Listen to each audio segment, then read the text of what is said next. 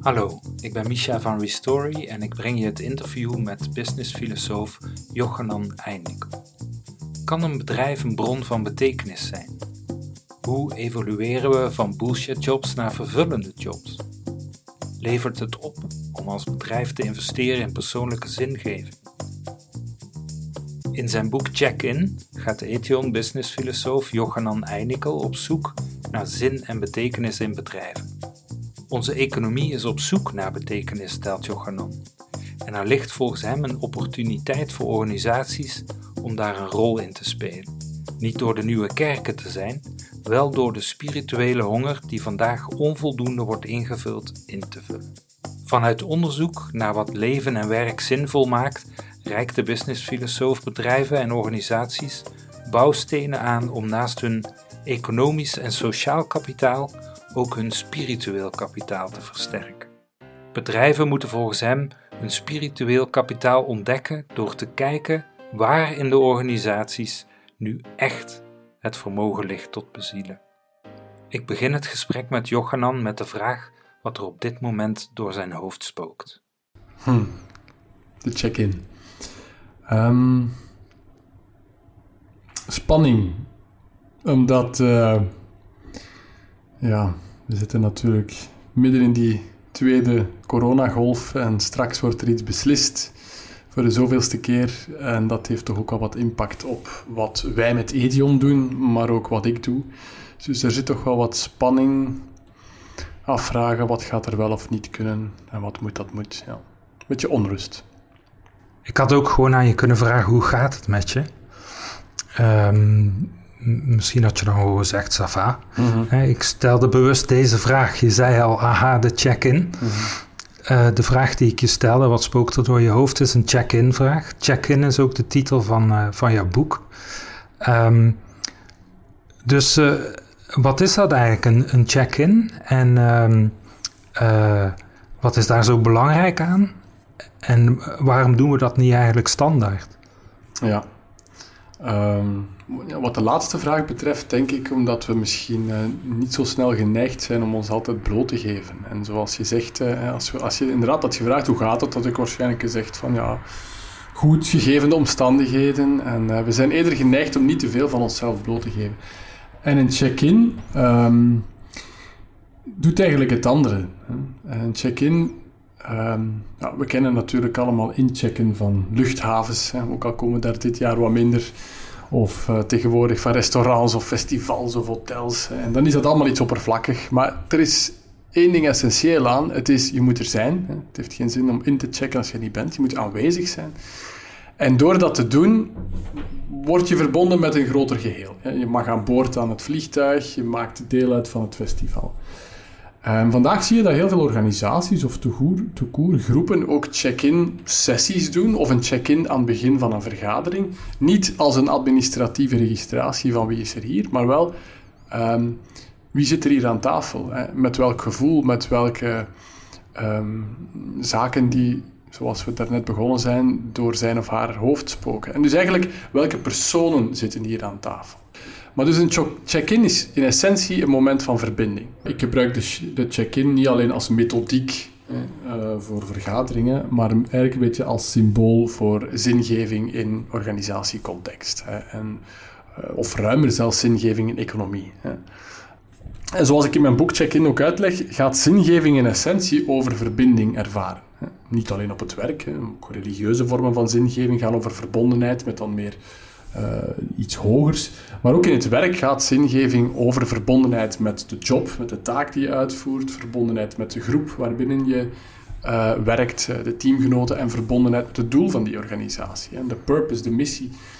Um, en um, dat is eigenlijk wat, uh, ja, als ik, zoals ik zeg, dat een check-in is eigenlijk een moment van verbondenheid. Ik denk dat organisaties meer check-in momenten, maar metaforisch ook, meer mogelijkheden moeten scheppen voor werknemers om zich verbonden te voelen met de organisatie en het doel van die organisatie. Ik zie dingen verschuiven richting. Um, en, en, niet meer alleen in de marge, ik denk dat dat het grote verschil is, richting een duurzame, um, betekenisvolle economie in de zin van dat men inspeelt op meerdere behoeften dan alleen maar materiële behoeften van mensen. Eerder ja, zie ik dat bedrijven toch meer en meer ehm, zich bewust zijn dat ze, um, of ervan bewust zijn dat die, die verwevenheid met maatschappelijke evoluties, um, verwevenheid zelfs met de natuur, hè, als ook zelfs deze coronacrisis laat eigenlijk in essentie zien hoe, hoe afhankelijk we nog zijn van de natuur, van, van datgene wat we niet kunnen controleren, dat bedrijven ja, daar toch meer en meer de noodzaak van inzien. Hè. Misschien allee, zeker nog niet voldoende en nog niet alle bedrijven, maar het is toch meer dan, ik zal maar zeggen, de, de evolutie die we in eind jaren 70, begin jaren 80 hebben gezien, waarbij een aantal pionierende bedrijven het anders willen doen tegenover eigenlijk ik zal maar zeggen, het, uh, het gulzige kapitalisme dat toen eigenlijk echt uh, na de jaren 60 is beginnen uh, op gang maken. Ja, als je kijkt vandaag, er is bijna geen bedrijf meer dat um, op zijn minst niet zegt duurzaam te ondernemen. Ze doen het niet allemaal en nog te weinig doen het en er is nog te veel window dressing. Maar zoals ik in mijn boek ook uh, schrijf, zelfs bedrijven die omwille van window dressing allerlei waarden claimen en zich um, eigenlijk als een goed bedrijf in ethische zin um, naar buiten toe profileren, normaliseren mee um, het feit dat dat is wat verwacht wordt van bedrijven. Um, alleen als je dat niet toepast, en dat hebben we gezien al met verschillende voorbeelden in het recente verleden, ja, dan kan dat ook als een, uh, hoe zeg je dat, een, uh, een deksel, krijg kan je deksel op de neus krijgen. Hè. Dus um, ik wil zeker niet zeggen dat die window dressing voldoende is, maar als bedrijven zich vandaag voordoen als maatschappelijk verantwoord of, of duurzaam, ja, dan moet je de vraag stellen, zelfs als ze dat niet menen, waarom doen ze dat? Dan wil het toch zeggen dat de consument daar ergens van wakker ligt. Of dat de maatschappij, dat is niet altijd hetzelfde, consumentenmaatschappij, daar ergens wakker van ligt. Waarom doe je dat anders? want je moet daar ook vaak kosten in steken. Je moet er letterlijk, zelfs als het window dressing is met allerlei um, groene initiatieven, moet je daar ook uh, in investeren. En dus moeten bedrijven hun doel inderdaad gaan op zijn minst verruimen. Ik denk dat je winst niet kan um, wegnemen als doel, misschien of als een nevendoel. Zelfs als uw uh, ambitie is om, om, om, de wereld te verduurzamen met, met ecologische producten, dan zullen die nog rendabel moeten zijn. Of je gaat niet bestaan. Um, maar allee, misschien mag ik het niet als doel zeggen, maar toch in ieder geval als een heel belangrijk middel om je andere doelstellingen te realiseren. En dan zie je wel dat die purpose, die ja, meer maatschappelijke doelstelling van een bedrijf, aan belang inwint. Purpose is personal. Um, als je niet begint bij de personen in het bedrijf, de mensen in het bedrijf, dan gaat die purpose altijd zeer abstract zijn volgens mij. Um, van, we gaan eens kijken welke nood is er hier in de wereld, hoe kunnen we dat vervullen. Uh, dat is mooi, hè? Dat, is, dat is goed, maar er moet een, een, een um, heel sterke verbondenheid zijn tussen dat doel, wat je in de wereld, de maatschappij wil, wil bereiken, en de mensen in die organisatie. Als zij daar niet intrinsiek in geloven, dan gaat dat ook nooit als authentiek overkomen naar buiten toe. Dus ik zou eigenlijk beginnen als bedrijf, hangt een beetje vanaf in welke fase je als bedrijf bent, moet je nog een nieuw bedrijf oprichten of ben je een bestaand bedrijf. Maar eigenlijk om te gaan luisteren naar mensen in de organisatie, je kan dat ook verruimen naar bestaande klanten of, of, of, eh, belangrijke partners in, in je business, naar um, ja, waarom doen zij wat ze doen? Laat dat maar echt eerst op heel individueel niveau. Waarom werk je hier? Um, wanneer ervaar je um, energie in je werk en wanneer niet? En uit die individuele verhalen Um, daar haal je al snel een rode draad uit. Hè. Dit is wat ons eigenlijk bezielt. Hè. Op zo'n momenten maken we echt ons doel waar. We hebben trouwens zelf die oefening uh, gedaan toen we, vroeger heten we VKW, de werkgeversorganisatie, daarna naar Ethion, uh, Forum voor Waardegedreven Ondernemerschap, geëvolueerd. Maar in die evolutie hebben we op een bepaald moment samengezeten en toen uh, weet ik nog dat een trainer zei... Um, wat was nu zo'n moment toen we nog VKW heten, dat je zegt van hier was VKW op haar best? En, daar kwam, en dat kwam vanuit verhalen. Dus we gingen niet kijken naar wat was de oorspronkelijke missie van die organisatie. Op zich niks verkeerd mee was, maar het is abstract. Nee, wat waren momenten, met dertigtal collega's, dat je zegt, daar waren we op ons best. Hier hebben we onze missie, zoals ik die, wat ik persoonlijk belangrijk vind voor onze organisatie, echt waargemaakt. En daaruit is eigenlijk een nieuwe, niet, niet alleen dat ene moment, maar op basis van dergelijke verhalen, is eigenlijk de nieuwe organisatie ontstaan. En ik denk dat de organisaties dat ook meer moeten doen. Beginnen met de verhalen van zij die uiteindelijk, je zegt het heel mooi, bedrijven zijn uiteindelijk mensen, maar begin dan ook met wat die mensen intrinsiek bezielt.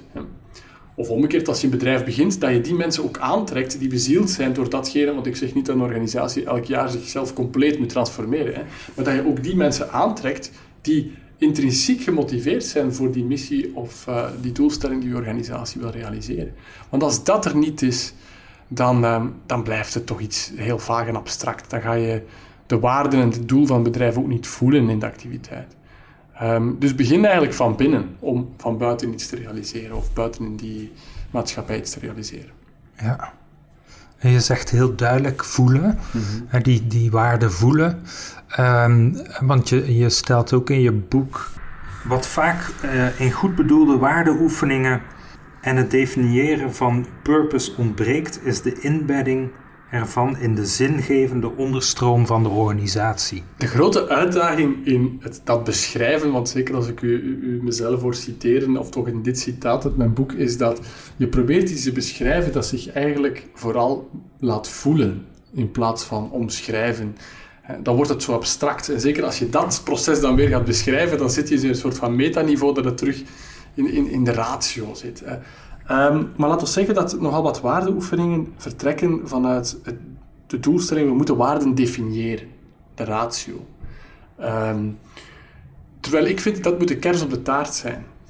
Um, en dat ontstaat bijna spontaan als je eerst mensen ja, bij zichzelf brengt, of groepen, over ja, waar voelen we eigenlijk dat de energie van deze organisatie zit. Hè.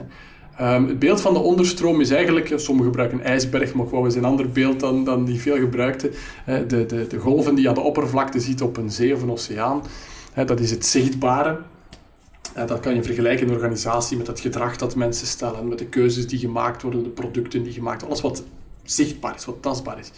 Dat is natuurlijk een gevolg van, net zoals de, toppen van de golven, beïnvloed worden door de onderstroom, die je niet ziet, maar wel een heel grote invloed heeft op wat er daar van boven beweegt. En dat is dus eigenlijk het veel minder zichtbare, maar wel heel invloedrijk. Hè? De heersende overtuigingen in die organisatie.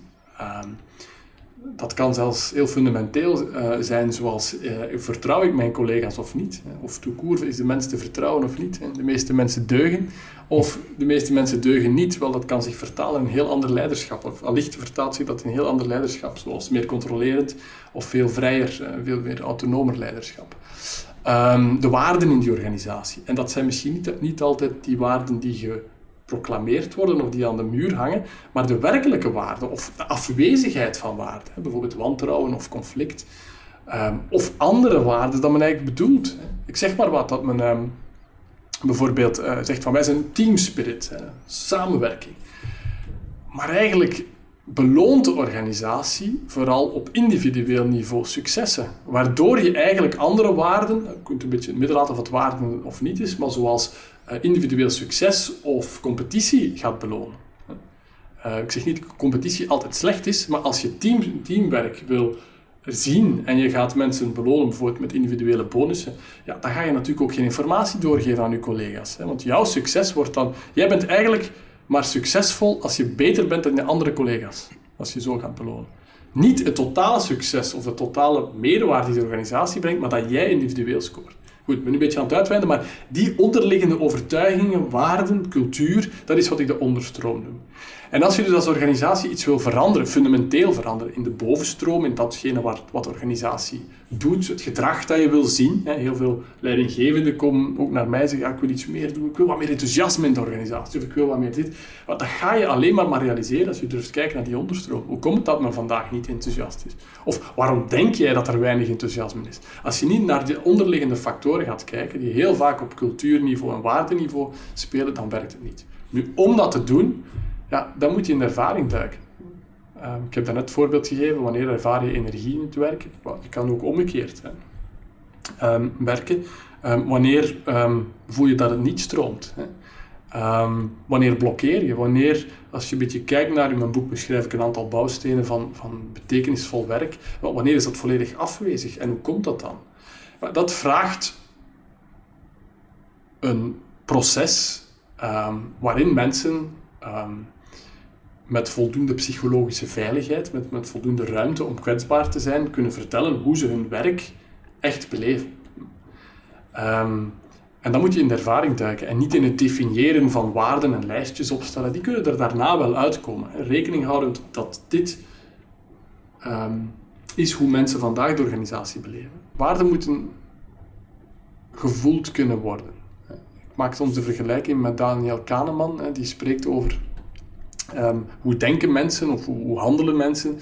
Dat is ofwel met systeem 1, dat is de ratio. Je gaat dingen overwegen en, en goed afwegen. zou kunnen bijna denken, een soort van Excel-denken. Je vult dingen in en daar komt de conclusie uit. Dat is meestal accuraat, maar zeer traag. Heel veel andere zaken uh, doen we uit intuïtie, uit automatisme. Daar maken we veel fouten in, maar dat is wel veel sneller. En dat maakt ook dat we niet over alles moeten nadenken. Maar een echt waardegedreven bedrijf herken je maar dat die waarden ook leven in dat systeem 2 denken en doen.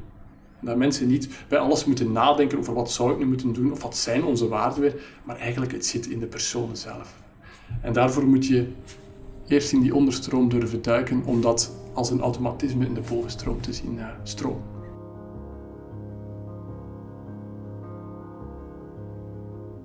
Eigenlijk ben ik al, um, nou, ik werk nu ongeveer 15, 16 jaar na, sinds mijn studies.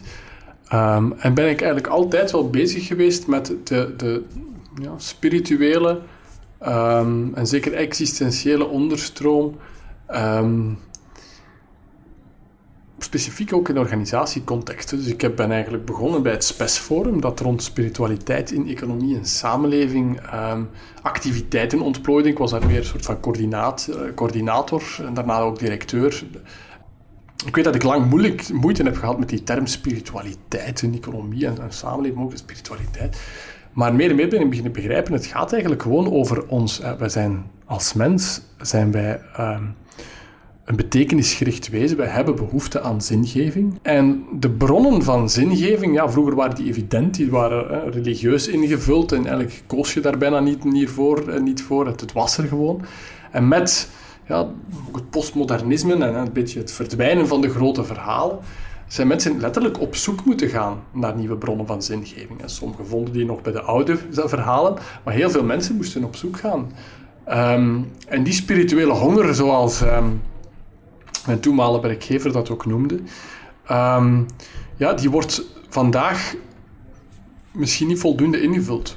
En ik denk dat daar ook ergens een opportuniteit ligt dat als die existentiële behoefte aan betekenisgeving bij ehm, mensen vandaag soms moeilijker wordt ingevuld, dat organisaties daar ook net een rol in kunnen spelen. Door, niet door de nieuwe kerken te zijn, maar wel door die behoefte van betekenis in te vullen, aan in te vullen en tegelijkertijd ook een, ja, laten we zeggen, een economische opdracht te vervullen.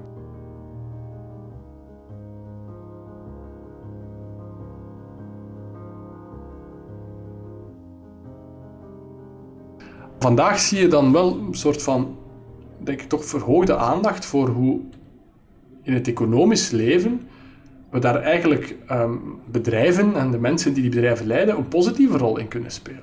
En die verhoogde aandacht voor ehm, ja, het spiritueel kapitaal van organisaties, het vermogen van een bedrijf om eigenlijk mensen intrinsiek te, aan te spreken en daar als organisatie kunnen op inspelen en uw activiteiten kunnen ontplooien vanuit een zingevingsdynamiek, speelt daarop in. Spiritualiteit gaat over het geestelijke leven. Spirit is geest. En ehm, eh, ik, ik, gebruik de term, of ik kom pas eigenlijk tot de term ook bewust wat aan het einde van het boek geldt. Het is precies die balans waar ik al sinds mijn tijd bij het Spesforum mee worstel tussen mensen misschien afschrikken met die term. Uh, en zelf trouwens ook wel daar een groei hebben in moeten maken om daar uh, mee om te gaan. En omgekeerd, um, ja, toch wel te durven wat te veranderen in ons taalgebruik. En niet alleen de zaken uit de weg te gaan omdat ze misschien ehm, eh, moeilijk vallen, zoals in dit geval uh, dat het te zweverig wordt, uh, als te zweverig wordt beschouwd. Um, dus um, ik probeer er wat pragmatisch in te zijn. ik vind zelf de term zingeving ook zeer, niet alleen goed klinken, maar ook letterlijk zeggen waar het over gaat. Hè. De spiritualiteit heb je altijd wat meer uitleg nodig. ook omdat het gebruikt wordt in uh, domeinen of door mensen die als wat meer, soms wat, waar andere mensen zich soms moeilijk in kunnen herkennen. En dan helpt het niet altijd om per se die, die beelden of die termen te gebruiken. Ehm, maar de, de, term zelf komt van um, Zohar. Uh, ik heb hem leren kennen via professor Luc Boekhaart, de oprichter van, of een van de oprichters van het Spes Forum, die het boek heeft geschreven Spiritual Capital. Um, en dat, dat vond ik al een, een goede, uh, zeker in economische context, een goede combinatie. Want kapitaal, daar kent men, herkent men zich. Het is toch niet te zacht. En dan die combinatie met zoiets zacht, wat zacht wordt beschouwd als spiritualiteit. ja, dan evolueer ik dus inderdaad in mijn boek naar bedrijven moeten hun spiritueel kapitaal ontdekken. Ze moeten kijken naar waar ligt hier nu eigenlijk echt in onze organisatie um, een vermogen tot bezielen. Tot, tot, uh, en dat kan in de doelstelling zijn, of liefst allemaal in de doelstelling van de organisatie zijn, maar ook in de manier waarop je met elkaar omgaat, in de waarden die je wil als bedrijf wil vooruit uh, wendigen en het leiderschap dat probeert te bevorderen. Um, maar zoals we daarnet al hebben aangeraakt, ja, dat spiritueel kapitaal, dat, vind je niet in je Excel-sheet. Daarvoor zou je eerst naar binnen moeten kijken bij de mensen. Um, en als je daar aan raakt, ja, dan raak je eigenlijk aan een ongelooflijk krachtige bron van motivatie, van inspiratie. Want het is hetgeen wat mensen ook in hun dagelijks leven um, doet bewegen. Um, en daar denken mensen niet zomaar over na, want wat is mijn spirituele overtuiging? Hè? Zelfs mijn waarden. Er is niet een moment geweest dat ik in mijn leven een set van waarden heb gekozen. Ik heb er zelfs nooit een vaststaand set van waarden gehad. Maar ze zijn er wel. Hè? En het is eigenlijk meer door te gaan kijken naar wat, wat, wat doe ik graag. Ik heb drie jonge kinderen, wat probeer ik die mee te geven? Soms zelfs onbewust, waar let ik op? Op welk soort gedrag ga ik letten bijvoorbeeld? Zegt heel veel over mijn waarden. Hè? Of wanneer word ik net heel uh, boos, zegt ook iets over mijn waarden, want die worden dan niet ingevuld. Hè? Diezelfde soort oefeningen kan je doen in organisaties hè, of bij, bij, je medewerkers. Door veel meer te gaan kijken naar waar zit die energie, dat vuur, wanneer, het wel, wanneer men wel bezield en, en geïnspireerd is, en wanneer is het compleet afwezig. Um, dus het spiritueel kapitaal, dat ontdek je maar eigenlijk door weer opnieuw naar binnen te kijken en veel meer in de ervaring te duiken. Want spiritualiteit is misschien toch wat verschil met religie. En religie veel meer te maken heeft, of toch als term, met de overdracht van een, een, een, een, um, een weliswaar spiritueel um, kader hè, met bepaalde voorschriften die je volgt. Maar spiritualiteit is de individuele ervaring. En dat kan ook in niet-religieuze ervaringen zitten. Ja. Dus uh, ik denk dat de ervaring het centrale punt is in waarom ik over bedrijfsspiritualiteit spreek. Welke vanuit welke ervaring wil je vertrekken en welke ervaring wil je bieden naar buiten toe? Waar we bij, bij Restory uh, voor de economie, de samenleving en onderwijs op zoek zijn naar een, een nieuw verhaal, is het, uh, was, het, was het voor mij leuk om in, in jouw boek te lezen dat verhalen daarin effectief zo'n belangrijke rol spelen? Verhalen zijn eigenlijk de kanalen, zou ik maar zeggen, waarin de verbinding tussen de bovenstroom en de onderstroom stroomt. Dat had ik zo in mijn boek moeten zetten. Ik heb het zo er niet ingezet. Maar um, ja, Harari bijvoorbeeld, hè, toch een van de grote denkers van vandaag, historicus, zegt eigenlijk wat is eigenlijk wat ons mens uniek maakt en ook zo machtig, ook in negatieve zin, dat is eigenlijk ons vermogen tot het creëren van ficties, van fictional realities noemt hij dat, eigenlijk van verhalen. Hij zegt soms ook provocerend, de mens is een verhalenvertellende aap. Want het is in het creëren van verhalen, wat doen we daarmee? Enerzijds, daarmee creëren we verbinding, van de verhalen die mensen in de grotten in de prehistorie vertelden, tot de verhalen die we vandaag delen op platforms zoals Restory. Ze creëren een verbinding, een community noemt men dat dan vandaag. Um, en ze creëren betekenis. Nu, zoals ik daarnet al gezegd heb, de grote verhalen die zijn een beetje voorbij. Dus vandaag moeten we veel meer kijken naar de kleine verhalen. Met klein bedoel ik uh, mijn verhaal. Omdat daar heel veel in zit in wat ons bezielt. Als je mensen vraagt, als we terug een beetje hebben over, over waarden in organisaties, wat zijn jouw waarden, dan krijg je weer zoiets abstract. Wat moet ik bedenken? Terwijl als je mensen vraagt naar een verhaal, Zoals, wat, wat, geef jij mee aan je kinderen? Of, of wanneer, um, als je terugkijkt op je leven, wanneer, was je het meest trots um, op wat je deed, je werk of daarbuiten?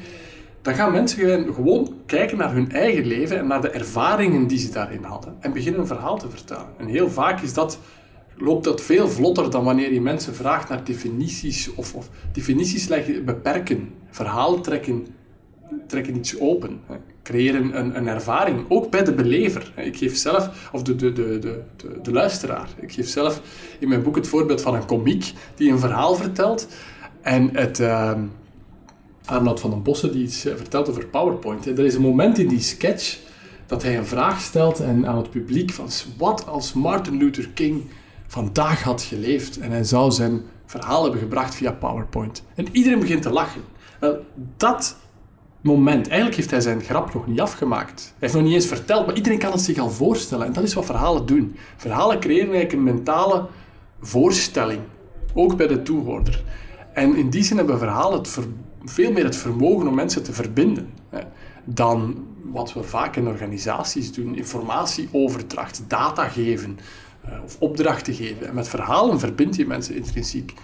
Uh, of je dat nu binnen of de buitenwereld doet. Dus verhalen zijn een on ontzettend belangrijk element in het vormgeven van nieuwe realiteit. Dit was het gesprek met Jochanan Einikel. Wil je op dit verhaal reageren? Voeg dan een comment toe bij het geschreven verhaal op de website. Op restory.be vind je meer verhalen van denkers en doeners van de nieuwe tijd. Met die verhalen willen we je inspireren en tonen dat het wel anders kan. Restory is een coöperatieve vernootschap die de toekomst als een gezamenlijke onderneming ziet.